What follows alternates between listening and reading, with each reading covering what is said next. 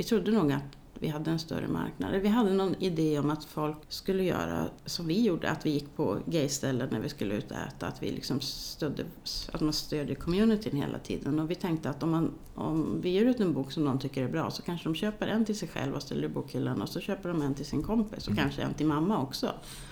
Men sen istället så kom ju folk och sa Gud vad bra den där boken var, jag lånade den av min kompis och nu ska jag ge den till min, till, till min mamma. Och man bara nej, nej, kan du inte köpa, men snälla.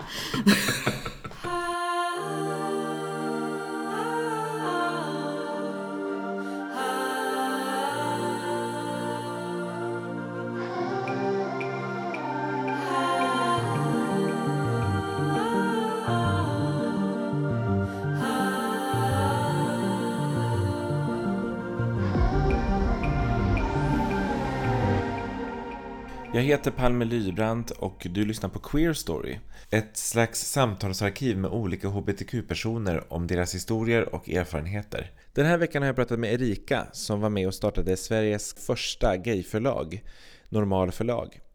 Under 00-talet så hann Normal förlag ge ut en massa, massa böcker eh, och titlar.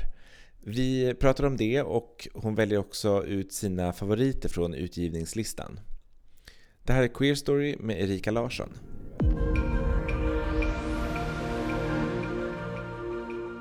Jag heter Erika Larsson. Eh, jag var med och startade och drev Normal förlag under början av 2000-talet. Eh, och mitt pronomen är? Hon. Vad var Normal förlag?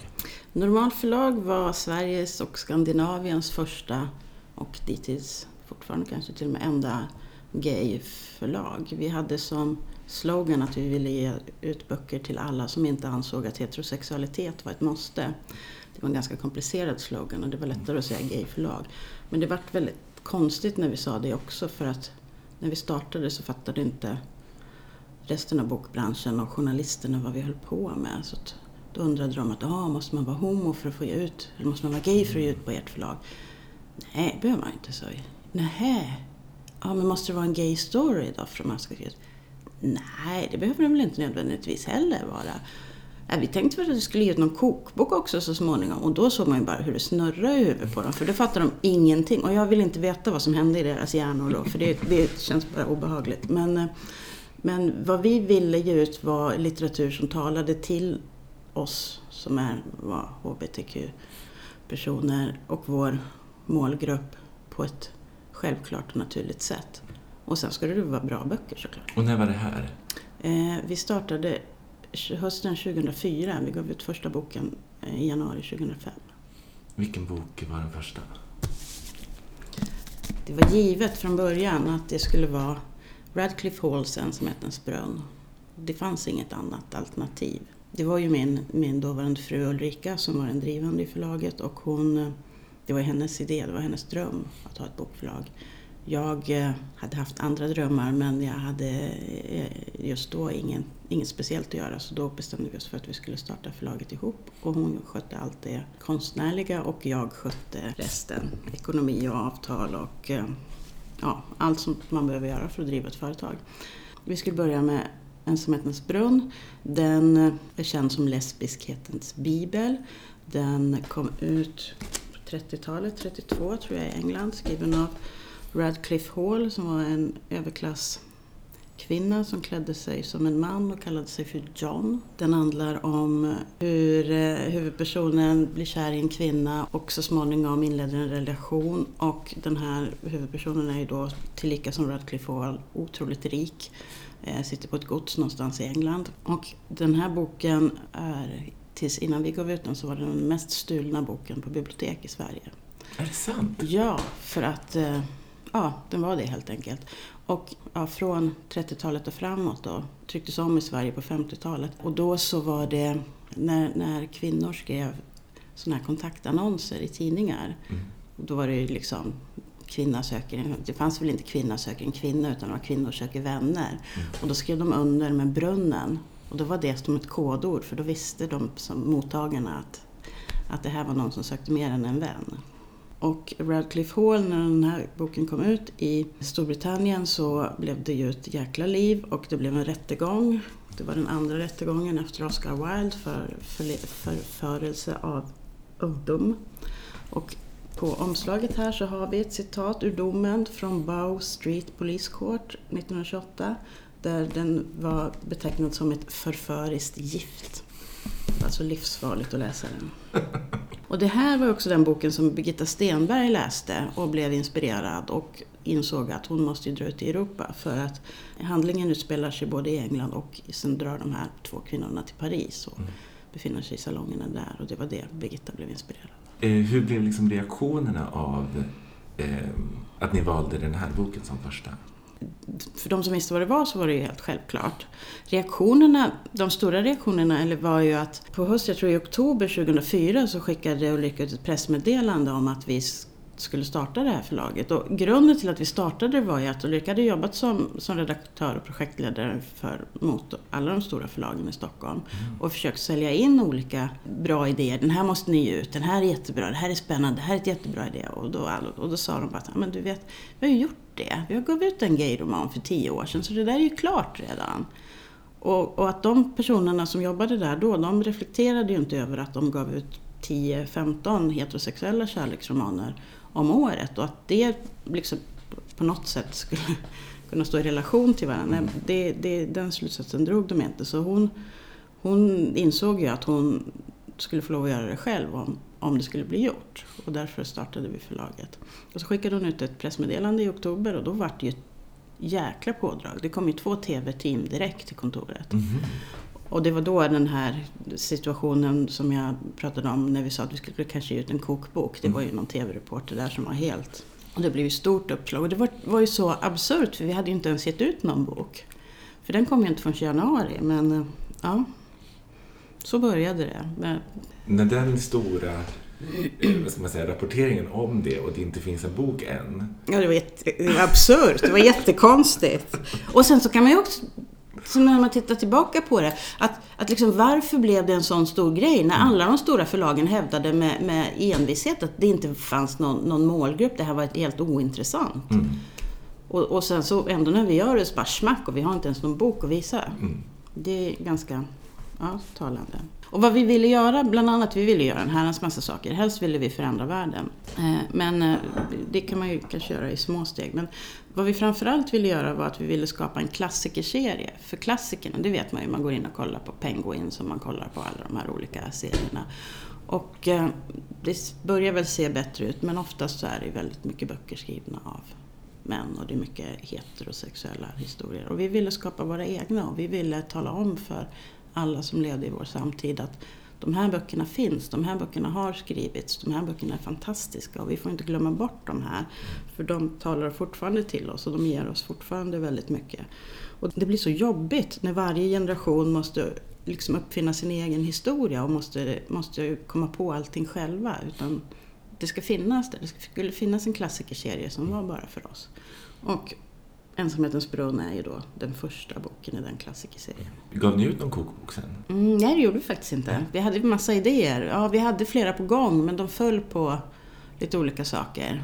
Ja, flera saker på gång, men, men nej, vi gav aldrig ut någon kokbok. Nej. Och hur gick ni vidare sen då? Alltså, för då har man ändå presenterat den här liksom, klassikern, eller den här ja. liksom, bibeln.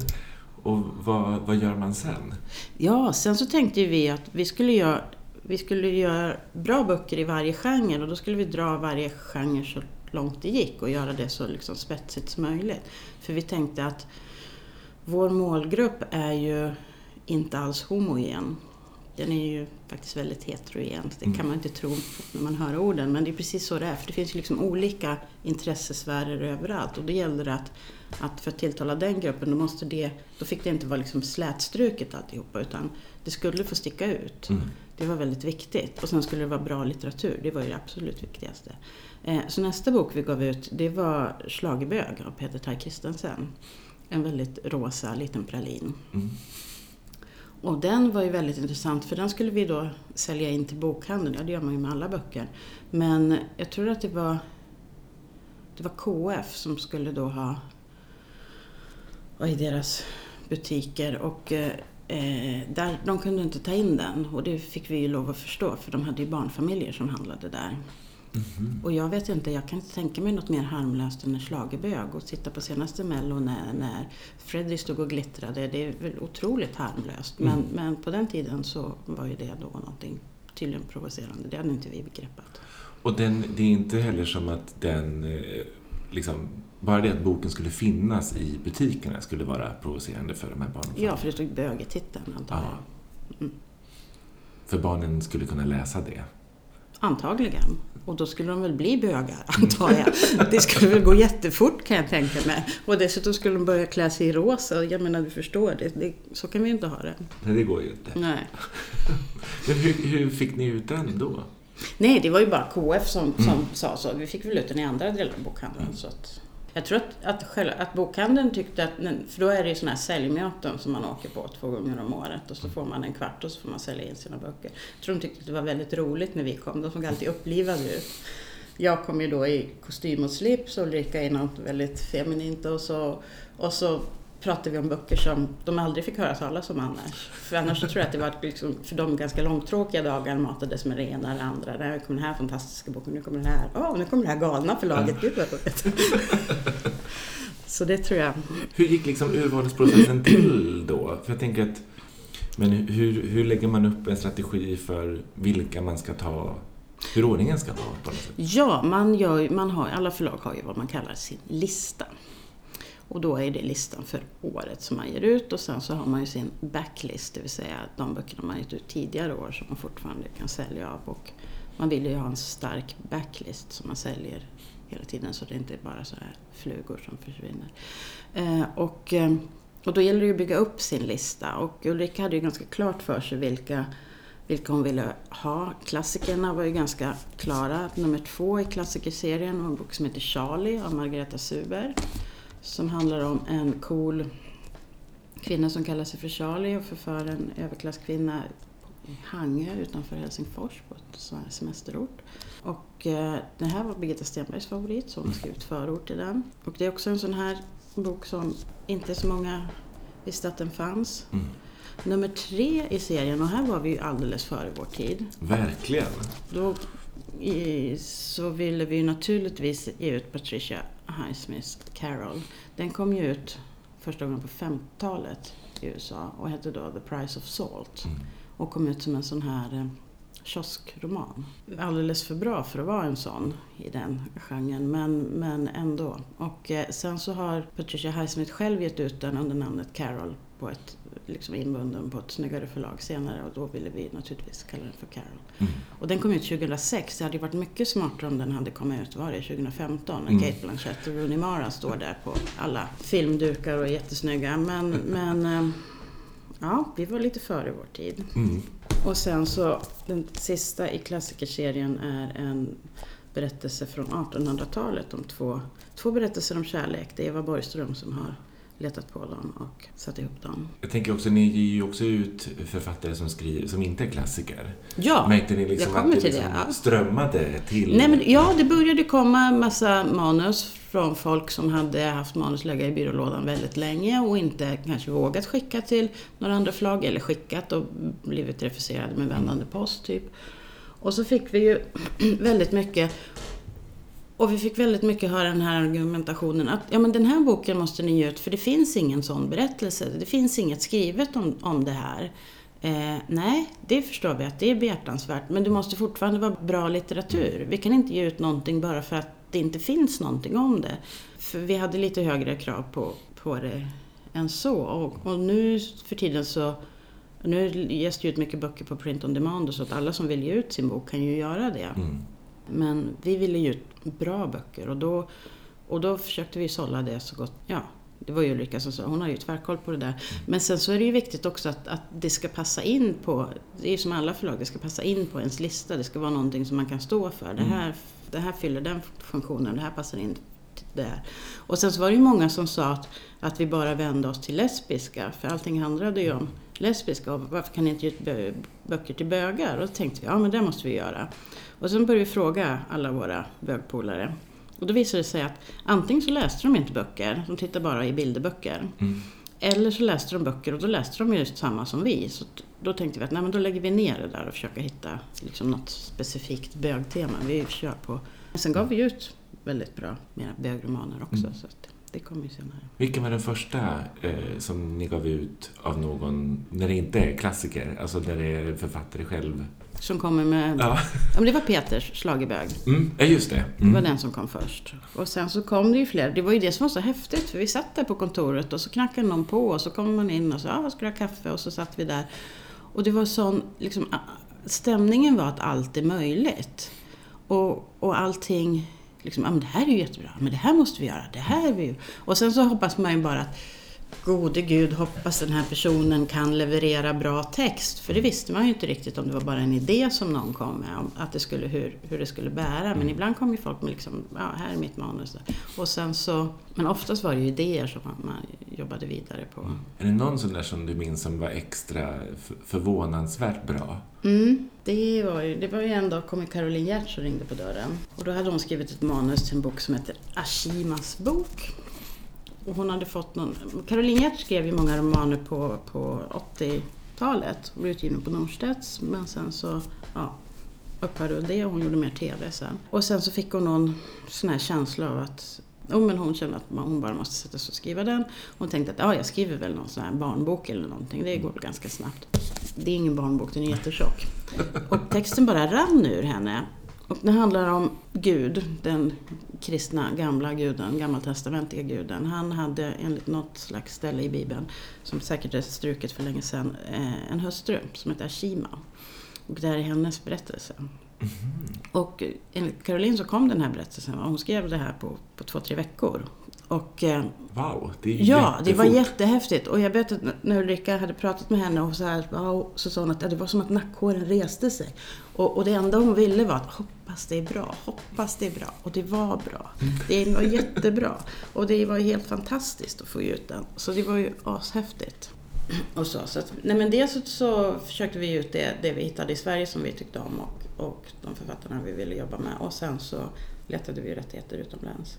Då blev det ändå ganska stark, eller vad ska man säga, nyfikenhet och lite förvirrat innan ni hade lanserat Mm. första boken.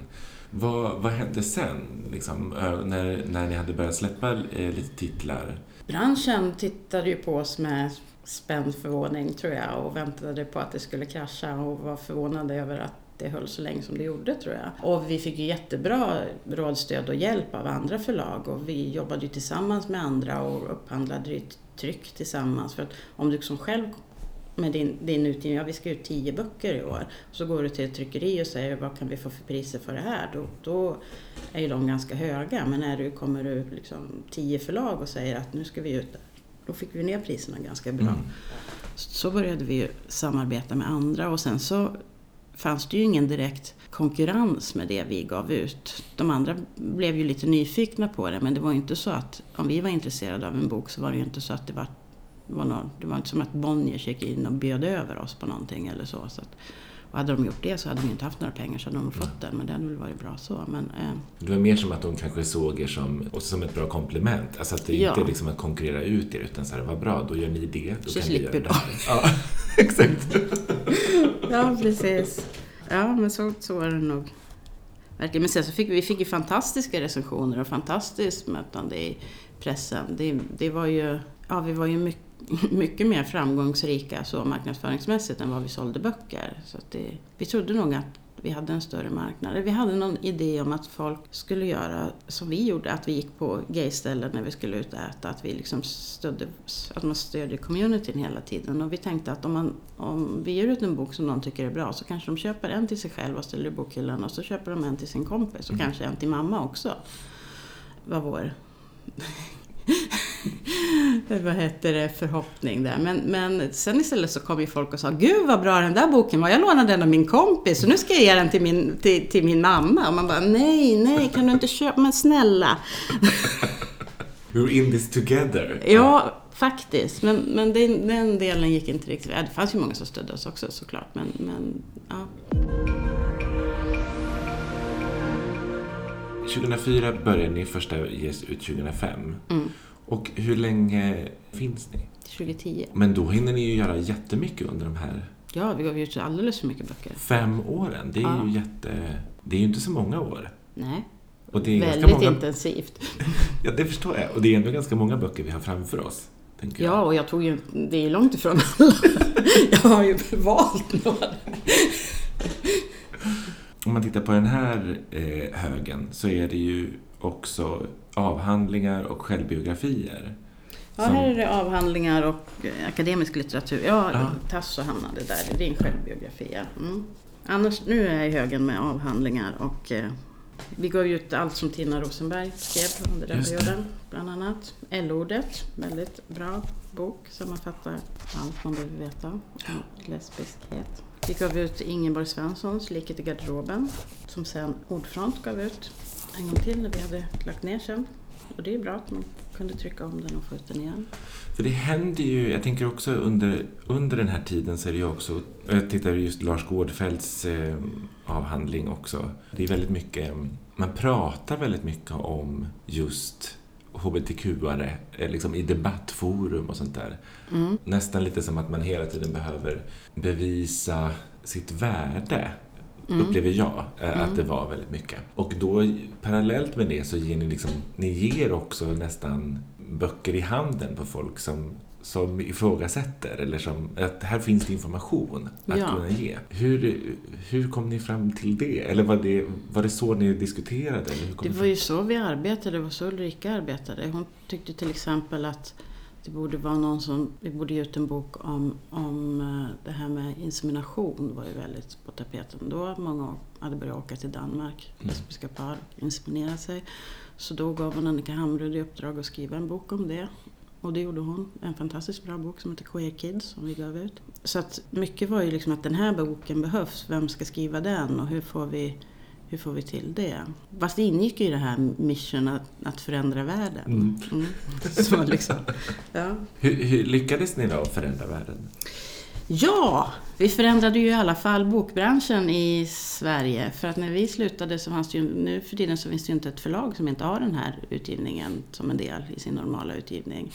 Eh, och det är ju inte så att är man gayförfattare eller homoförfattare så, så finns det bara ett förlag man kan vända sig till. Utan alla förlag tittar ju på, på ens alster och bedömer det utifrån de vanliga kriterierna om det håller tillräckligt litterär klass och så. Och, och det, det gjorde vi ju, vi förändrade det. För det fanns ju inte innan och det var ju rätt häftigt så på något sätt. Men var det mycket just att ni, ni syndes också i samhällsdiskussionen eller debatten just med de här böckerna? Ja, det gjorde vi ju och sen så Ja, men det är också det här att man måste ha inifrån perspektivet. För att något annat av de större etablerade förlagen hade ju inte kunnat göra det på det sättet som, som vi gjorde det med den genomslagskraften. Utan de kan ju ta över nu, men de kunde ju inte från början för de visste inte, de hade inte koderna, de hade inte kontakterna, de, hade inte, de fattade inte att det är det här som är grejen nu. Mm. Vad, om, om du skulle få välja tre stycken, vilka tre är du liksom mest stolt över att ni gav ut? Taskig fråga. Nej då.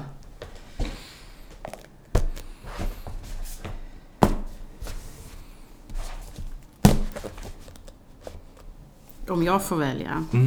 Det första är Angela Carters Den nya Evas passion som precis nu går på Kungliga Operan som en nyskriven opera som heter Tristessa. Som bygger på den storyn. Mhm. Jag visste inte att det var den. Jo, det var den. Såklart. Angela Carter är en av Storbritanniens coolaste och bästa författare. Hon hade säkert fått Nobelpris om hon inte hade dött i bröstcancer vid 52 års ålder.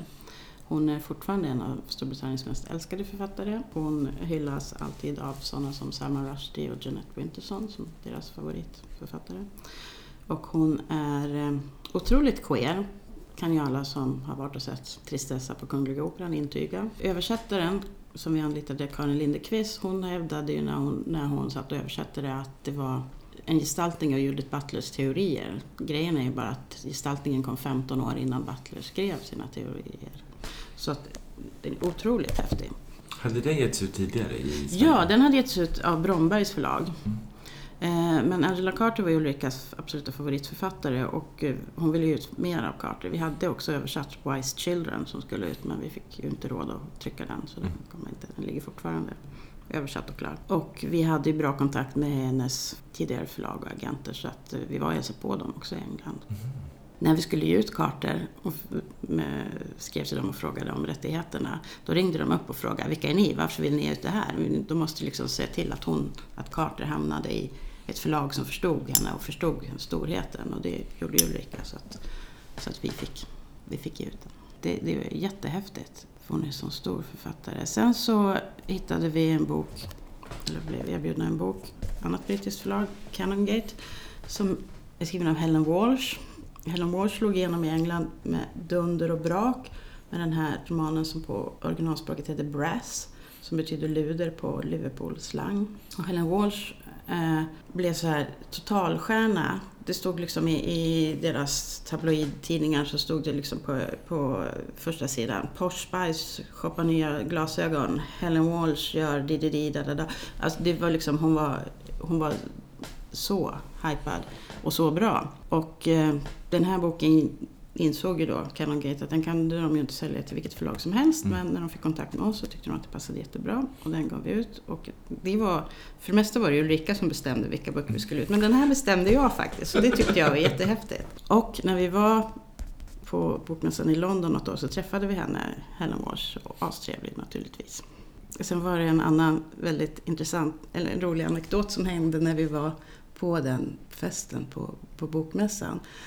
Och så skulle, vad heter det, eh, det här får du klippa bort om du vill, men det var i alla fall ganska roligt. Så skulle vi gå på, vi skulle gå på toa och så stod vi där i kön och så är det någon som knackar mig på axeln och säger att Excuse me, but you're a man. Och då vände jag mig om, för jag hade ju herrkläder såklart som vanligt. Så vände jag mig om och så sa jag I never was and I never will be. Och hon bara Oh, I'm sorry, excuse me, oh, I'm sorry, I'm so embarrassed, I'm sorry. Oh. Och, sen, och sen så tänkte väl inte vi mer på det. Och sen så gick vi ut och minglade vidare där ute och så fick vi, vi hör, hörde vi henne så här någonstans att I'm so embarrassed, my girlfriend's gonna kill me when I get home. And, uh, eh, oh. Ah!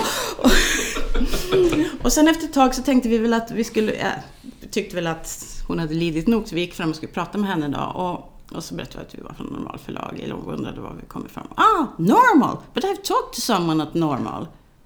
Nej, kan du inte ha gjort. Det är bara vi två. Så att, och då visade det sig att det var ju hon som satt på Angela Carters där och jobbade. Så det var ju hon som hade ringt upp Ulrika och frågade ut henne om Carter. Så det var ju ganska roligt. Så vi fann varandra. Det är ju också en liten värld, den här bokbranschen.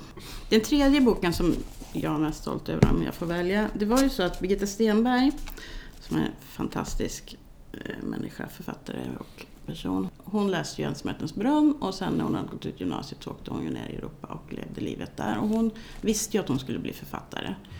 Det visste hon ju innan hon hade skrivit och blivit publicerad. Så hon skrev ju då utkastet till Kärlek i Europa, åkte hem till Sverige, lämnade in den till Bonniers och blev refuserad med orden den, den saknade litterära kvaliteter. då blev hon ju ganska knäckt och sen åkte hon tillbaka ut till Europa och eh, jobbade väl om det där manuset och skrev om det och sen åkte hon hem till Sverige igen och lämnade in det till Norstedts och blev utgiven och då kom Kärlek i Europa ut. Men det har ju alltid skavt hos henne lite att hon blev refuserad. Och det där manuset har, har hon alltid haft med sig.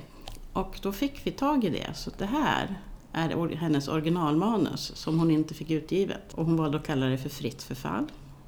Vilken revansch! Vilken revansch! Ja, det var hennes revansch. Hon var, hon var jätteglad att vi gjorde det. Och det kändes ju helt rätt att göra det. Så fantastiskt. Men, ja. Sen fick vi ett annat förslag på att ge ut en, en sexbok. Och då visste vi inte vad vi skulle kalla den.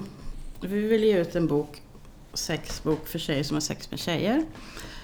Och sen så började vi liksom googla på vad, vad, vad, finns det och så insåg vi att det var ingen som hade gett ut Stora sexboken så då tänkte vi att då tar vi det namnet. med undertiteln För tjejer som har sex med tjejer.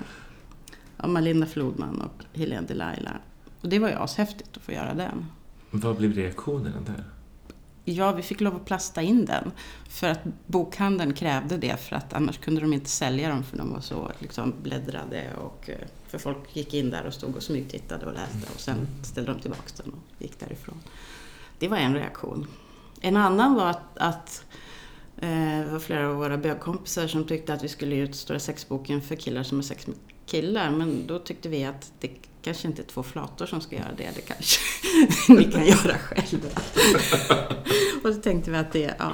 Fast vi, den här sålde väldigt bra. Vi trodde väl att det skulle sälja ännu bättre för att den är ju ungefär som, som lesbiska guiden till alla män som vill ha sex med kvinnor. Så Mm. att, ja, eller alla som vill ha sex med kvinnor överhuvudtaget. Men ja, nej, den var väldigt häftig och väldigt rolig att göra.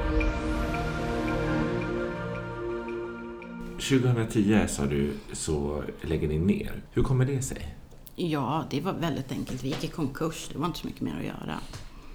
Vi hade provat allt som vi kunde och vi hade även haft massa fina vänner som hade haft en stödfest för oss. Det var bland annat Birgitta Stenberg och Tina Rosenberg höll fantastiska brandtal och eh, ja, men, men eh, nej, vi, böckerna sålde inte tillräckligt mycket och, och det funkade inte.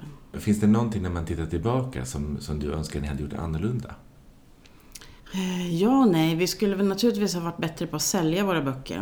Men sen å andra sidan så är jag vet inte om det är ändrat nu, men det är väldigt svårt för att om man säljer in böcker till bokhandeln så tar säger de att de tar in sig 1500 ex av någon liksom på olika bokhandlar. Akademibokhandeln tar så mycket, Boket tar så och så vidare. Men sen om de inte säljer dem, då har de rätt att returnera dem. Så att vi, man kan aldrig räkna hem vinsten för att, för att då tänkte vi att ja, men nu har vi sålt 1500 av det där, då har vi så mycket cash. Ja, jättebra, då kan vi ge ut den här boken också. Men sen så när vi då hade gått in och, börjat betala för, liksom tagit kostnader för nästa bok, då kom de andra tillbaka och så stod man med dem där och vad skulle vi göra med dem då? Det, det, Är det nu liksom som också de stora bokhandlarna på nätet kommer igång? ja, de kommer igång då. Så det- Adlibris hade vi bra kontakt med och Bokus och CDON. Men det är ganska nytt va? Ja, det är ganska nytt. De har varit igång i ett par år, några år sådär. Så att, ja. men, men där sålde vi också in böcker såklart. Men de köp, köpte ju när de sålde. De har, eh, I alla fall våra böcker la de ju inte på något stort lager. Utan, utan, och det gick ju ändå så pass snabbt att få det från vår distributör då. Den boken som sålde mest Mm. och som var det häftigaste telefonsamtalet som jag fick då, det var när min stora idol Annika Lantz ringde och frågade om vi ville ge ut henne. Mm. Och det ville vi ju självklart. Hon är ju Sveriges roligaste människa och ascool. Och då fick vi faktiskt kritik för att vi gav ut henne Mhm. från inifrån hbtq-världen. Varför ger ni ut henne? Hon är ju heterosexuell. Ja, sa vi. Men hon, hon vet också om att hon är en vit heterosexuell kvinna. Hon förhåller sig alltid till det. Hon tar alltid upp våra rättigheter och våra frågor i varenda radioprogram hon gör. Hon är, står alltid på vår sida och hon är jävligt vettig och bra och dessutom är den asrolig.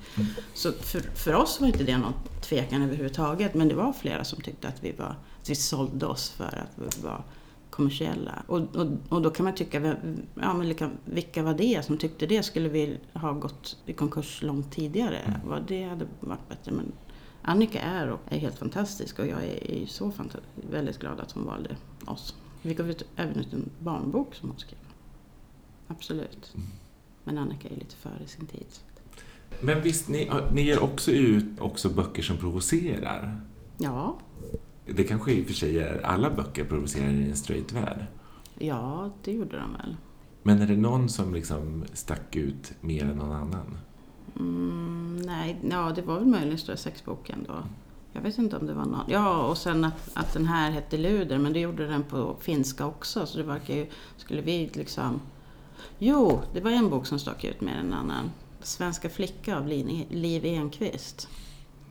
Liv eh, är Ulrikas bästa kompis som gick upp på gymnasiet och eh, Liv är också en sån där person som Birgitta Stenberg som alltid vet att de ska bli författare. Som skriver väldigt bra och hon jobbade, var i, bodde i Italien, i Rom och arbetade där och vi visste vad hon arbetade med. Eh, hon är var sexarbetare då och hon skrev sin berättelse om det och det var inte vi riktigt beredda på. Och vi pratade mycket om det och jag blev väldigt sådär, ska vi ge ut den här, ska vi inte? Och sen så insåg vi ju båda att vi kan ju inte censurera någon. Och vi måste ju, ge ut det är ju hennes berättelse och, och hon, hon står ju för den och hon är stolt för den och vi står ju för henne och är stolta över henne. Så vi gav ut den, gjorde den skitsnygg. Heter Svenska flicka. Den är verkligen skitsnygg. Så här, vad heter det, ja, inbunden och, och med silverinlägg. Ja. Och den blev ju lite väldigt uppmärksammad. Eller jag tror att den var mer så att folk inte visste riktigt vad de skulle prata om och hur de skulle prata med oss om den. Men den är jag också stolt över. För det blev väl en ganska mycket diskussioner, också inifrån communityt? Ja, och det var väldigt kontroversiellt då. Jag tror att det är mindre kontroversiellt men, nu, men säkert inte alls. Men, men för Liv kom ju tillbaka till Sverige då, nu bor hon i Sverige och hon, och hon ville ju driva, drev ju det här att, att hon skulle få betala skatt och ha, ha rätt att eh, ja, men ha rättigheter att kunna sjukskriva sig och, och, som alla andra, att hennes yrke inte skulle vara så stigmatiserat utan att ett yrke som alla andra. Och så skriver hon väldigt klokt. Hon var med i Fråga doktorn, mm. väldigt uppskattat program där och hon som är programledare i Fråga doktorn, nu kommer jag inte ihåg vad hon heter, men hon har ju varit i hennes mm. massa år. Hon, hon tyck, tyckte jättemycket om Liv och det var ett väldigt bra program och jag vet att Liv berättade om att det här jobbet som hon ser så, som ett jobb, det är ju inte ett jobb som alla kan ha. Men alla kan inte heller jobba som sjuksköterskor på en barncanceravdelning eller jobba som brandmän. Vissa av oss klarar inte det. Vissa av oss klarar att arbeta som sexarbetare. De flesta av oss gör det inte. Eh, jag tycker inte att det är vi som inte gör det som ska döma dem utan de ska få berätta sin egen berättelse. Och det är väldigt viktigt.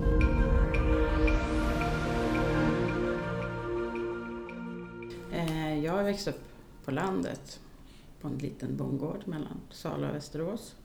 Och eh, jag hade, en egen, jag hade hästar, jag hade en egen ponny. Eh, jag tyckte det var mycket roligare att spela fotboll. Så när jag var 15-16 så sålde vi min häst och jag slutade med hästar och spelade fotboll istället. Och min bror gjorde tvärtom. Han och hans familj håller fortfarande på med hästar på gården hemma och jag bor av förklarliga skäl och inte kvar där och är jättenöjd med det. Men, nej, men jag var väl en liten pojkflicka, väldigt mycket pojkflicka, som inte passade in riktigt och inte förstod varför jag inte passade in, men jag var bra på att spela fotboll. Jag kommer ihåg när jag skulle handla kläder så oavsett var jag började när jag, när jag gick in i en affär så slutade det alltid med att jag stod framför de blåa herrskjortorna och så bara, nej men jag ska ju inte ha herrkläder och så tillbaka och leta efter någonting annat. Och sen så någon gång där, ganska snart efter att jag hade träffat Ulrika så började jag inse att jag faktiskt kunde ha de kläderna jag ville. Och då så började jag ha herrkläder helt fullt. Och jag har alltid skjorta och slips. Minns du liksom den Eh, hur det kändes när du liksom... Ja, det var jättespännande. Och se hur alla andra reagerade. Det är fortfarande spännande för folk reagerar fortfarande, men nu är jag ganska van vid det. Men, men eh, och samtidigt så var det så befriande för att jag kände mig mycket snyggare i de kläderna. Jag var inte utklädd längre. Eh, och det var jätteskönt. Fast det är ju lättare nu när jag träffar folk, nu är jag ju helt van vid det, men, men så är jag ju så självklar i det. Men då var det ju liksom att när jag var nervös så kom de och sa, ska du ha slips idag? Det har du ju aldrig haft förut. Jag kommer ihåg när jag fick, jag fick ett par jättefina manschettknappar av min mamma. Det var, som ett, det var nog det finaste hon har gett mig. Hur ser de ut? Ja, det är sådana där från Skultuna eh, mässingsfabrik med eh, i guld, är lila botten eller vinröd botten och så en guldkrona. Väldigt fina. Och sen så såg jag på mammas begravning att, att min bror och vad heter, brorson har också sådana fast i olika färger. Så alla har vi fått sådana mamma. Vad fint! Ja. Det var fint. Mm. Vad, hade du nära kontakt med din mamma? Ja, det hade jag. Jag kommer ihåg att jag frågade henne när jag hade kommit ut sen om de inte tyckte att det var jobbigt om, om inte grannarna pratade och så. De bor ju på landet. I, så, mycket folk där. Och då svarade hon bara att ja, det gör de säkert, men de pratar inte med oss. Och sen var det bra med det och det tyckte jag var en så skön kommentar. Hur träffades du och Ulrika? Mm, vi träffades i Uppsala, vi bodde där båda två på ett årsmöte som RFSL Uppsala hade och hon var avgående ordförande och jag var där för första gången i mitt liv. Mm. När är det här? Det här är... Mm, det måste vara hösten 98. Var det liksom kärlek på en gång, i första ögonkastet? Mm, ja, det tog säkert flera veckor. Men sen var det det. Mm. Men sen så var det när Ulrika och jag bestämde att vi skulle gifta oss och så hade vi bjudit hem våra respektive familjer då. Till oss när vi bodde i Uppsala och så, så berättade vi att, att vi skulle gifta oss. Och det var bara min svägerska som gratulerade. Alla andra var tvärtysta.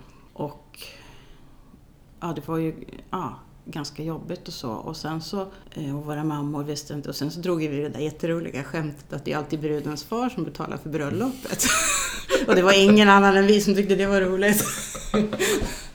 Men eh, men i alla fall, sen så, så, skulle de ju börja skicka ut inbjudningar och, och, och, så. Och jag vet Ulrikas mamma tyckte att det var lite jobbigt först, men sen fick hon ju svar från folk att Åh vad roligt, det här måste vi stödja, klart vi kommer. Och så vände allting. Och när, för vi hade ganska mycket folk på vårt bröllop som inte var ett bröllop då, men vi hade först haft sån här själva partnerskapsceremonin. Sen hade vi en välsignelseakt i Uppsala, i Helga Trefaldighets kyrka med domprosten, mm. Tullike Koivunen Bylund. Och hon tyckte att det var jätteroligt. Hon försökte till och med få tillstånd, ett temporärt tillstånd att, att förrätta partnerskap. Så mm. att hon skulle få kunna göra hela grejen. Men, men det gick inte.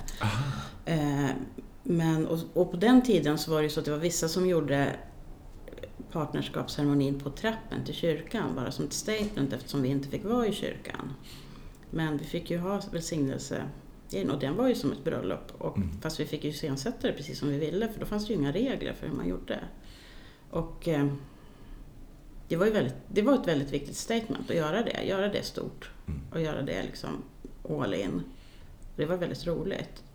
Och nu känner jag att om jag skulle gifta om mig nu så skulle jag ju inte alls ha något behov av att göra någon stor grej av det. Men det är mest för att samhället har förändrats. När, när, gick ni, när ingick ni i partnerskap? 2001. Och var ni gifta fram till att Ulrika gick bort? Nej. Nej. Det hände så mycket när förlaget gick i konkurs och det var en väldigt jobbig tid och till sist så ville hon ha skilsmässa så vi, var skilda, vi skilde oss 2011. Men vi hittade ju tillbaka till varandra på slutet som väldigt nära vänner så jag var ju med henne när hon gick bort. För hon hade cancer? Ja. Mm. Lite överallt på slutet. Mm. Mm. När gick hon bort? 2013? 15. 15? I mars. Mm. Det första Ulrika lärde mig var att det privata är politiskt. Och det är det alltid. Och det måste vi alltid ha med oss och det måste vi alltid förhålla oss till. Och allt vi gör som hbtq-personer är viktigt för att det, är så vi förändrar världen. Om vi gör det i det lilla hela tiden, varje dag, fast det är jättejobbigt. Men det är så vi måste göra och så vi måste arbeta för annars, annars funkar det inte. För vi måste liksom, samhället måste få syn på där saker är helt galna och där vi inte passar in och så måste samhället ändra sig. Och det kan det bara göra om vi talar om att vi finns. Och att vi går samman, Ja, precis. Att vi inte är ensamma.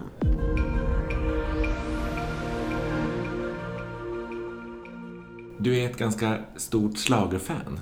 Ja, jag är slagerbög. Berätta. Det började ju nog, eller jag har nog, jag har ju alltid gillat Melodifestivalen när jag var liten och så. Och så tyckte jag det var så tråkigt att man bara hörde de där låtarna en gång och sen försvann de. För så var det i min värld. Men sen så lärde vi ju känna Peter Tai Kristensen som en riktig schlagerbög. Och sen så när vi var hemma hos han och Patrik så kunde man säga ett årtal och så fick man den, den Eurovision-finalen. Eller, han hade ju allting så här på på olika inspelningar. Det var jättehäftigt. Och då levde ju de där låtarna igen och mycket längre och det gör de ju nu om man går ut på, på olika eh, gayställen och så, så är det ju liksom mycket schlagerlåtar från, ja ah, det här var Spanien 84 och det här var Frankrike 92. Ja men det, det är jättekul. Eh, och sen så började det väl det stora med att, att för Peter hade ju varit akkrediterad press för kom ut och sen skulle inte han vara det längre eller om vi var det tillsammans. Vi, Ulrika och jag ackrediterade oss som press och skrev för kom ut. Då fanns på, de på nätet och tidningen fanns också. Så vi skrev lite saker där och så åkte vi på Melodifestivalturné. Mm. Första gången var 2004. Första deltävlingen var i Karlstad där Nina och Kim tävlade med En gång för alla. Det var Ja, och sen gjorde vi det några år. Jag hängde på den där. Och sen så älskade jag ju alltid schlagerkvällarna på Pride. Då vet alla att jag inte jobbar oavsett med boksält eller någonting annat. Då står jag alltid bara i publiken. Och jag tycker det är väldigt häftigt. Vilken är favorit då? Oh, min favorit är ju Malena Ernman, La Voix. Jag tyckte, alltså när jag hörde talas om att, den, att Fredrik Kempe hade skrivit en låt, att Malena Ernman skulle vara med. Alltså hon var ju min idol innan. Och hon var ju, vad heter det, hon är ju så cool. Jag vet att vi var lyssnade på henne på, i Riddarholmen någon gång på konsert. Och sen så vet du att hon har en, en fanclub som heter Ernmans Arms. Är det sant? Ja, det, det är mest flator med i den och de är väldigt impade av hennes överarmar. Kan jag förstå i och för sig. Mm. Mm. Och, eh, jo, och sen när hon, att hon skulle vara med i Melodifestivalen, det var ju bara så stort så det fanns ju inte. För hon är liksom, ja, men hon är ju Zlatan.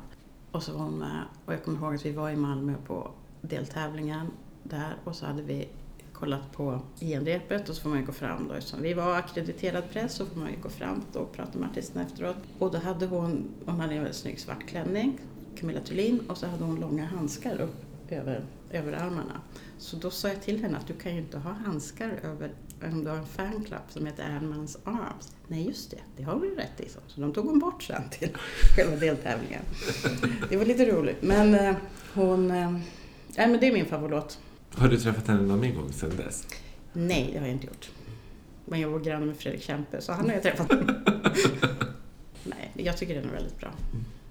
Det finns andra. Jag tycker Céline Dion, som hon vann med Schweiz, den är väldigt bra också.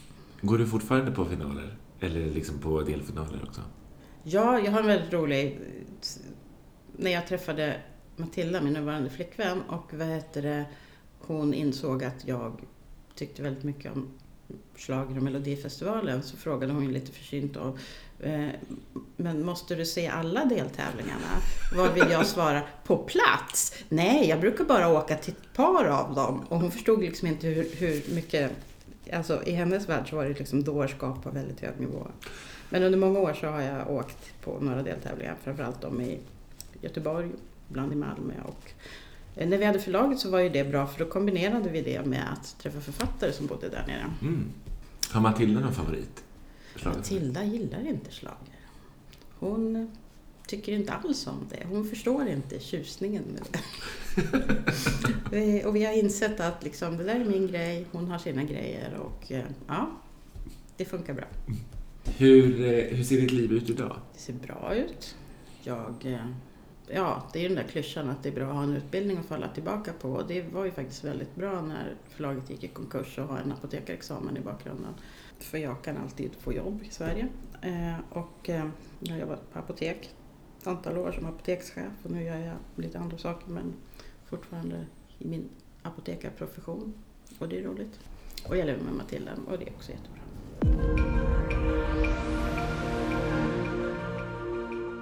Om du skulle få välja fritt från ditt liv, en situation eller händelse som du skulle vilja se gestaltad, vilken skulle det i så fall vara? Men gud vad svårt. Har folk svarat på det här? Både och. En situation som man vill se gestaltad? Nej, det vet jag inte. Det skulle ju vara roligt om man gjorde en tv-serie om ett litet hbtq-förlag som drar igång och igång och ger, ger ut galna böcker. Det skulle vara ganska kul faktiskt. Det skulle man göra mycket roligt med. Det kommer in olika personer och har olika idéer. Och vissa blir sågade och andra blir hyllade. Och vissa går bra och andra går mindre bra. Det är ett väldigt bra uppslag för en tv-serie. Mm. Vi säljer den till Netflix. Netflix och originalserie. Jag klipper bort det här och så har vi inte med det och så jobbar vi på ett manus. Ja, precis. Jättebra. Mm. Är det någonting som du känner som vi inte har pratat om? Eller Ja, det är en livet? bok jag vill ta upp. Mm. Apropå det här med att, att vi inte gav ut böglitteratur. Så Allan Hollinghurst som är en stor författare, han kommer väl Eh, också så småningom, om det blir något Nobelpris i framtiden så kommer han vara i den klassen. Att han blir aktuellt för det. Han gav ut en bok som heter Skönhetens linje och det gjorde han ungefär när vi drog igång förlaget. Och den var ju det första vi, vi ja det var 2004 och den var ju en av de första vi ville ge ut. Så vi direkt skickade brev till Dama och skrev att ja, vi skulle vilja ge ut den här boken. Ja, vad har ni? Ja, för, vad jätteroligt. Vad har ni gett ut för någonting förut? Eh, jag har inte gett ut någon bok än, men vi vill i alla fall. Jag tror inte vi fick något svar på den. Och sen så kom ju den här som en väldigt hyllad, jättesnygg tv-serie från BBC, en av de, ja du vet, tre delar, bara kända skådisar. Han eh, som spelar huvudrollen spelar ju i, i Downton Abbey sen. Och i alla fall så... Sen så provade vi igen efter några år och då och då fick vi köpa rättigheterna till den. Och då vet jag att det var någon som skrev någon kommentar, jo i, i recensionen av den, att jaha, nu passar, passar det för normalförlag när den har kommit som tv-serie, men de kunde inte ge ut den innan. Och vi bara, ja men vi försökte ju, men hallå. Och då blir man så trött. Jag blir så trött när folk drar slutsatser som de tycker är relevanta men som, när de inte har någon koll alls. Du, tack snälla för att jag fått prata med dig. Tack så mycket. Det, här var, Det var under... jätteroligt att vara med. Tyckte du det? Ja, Vad härligt. det är ju som att det har ju gått ett tag sedan, sedan och det känns... Det här är ju, alla böckerna är mina vänner. Det ju, och det var ju en väldigt viktig del av mitt liv. Det var en förmån att få jobba med det. Mm.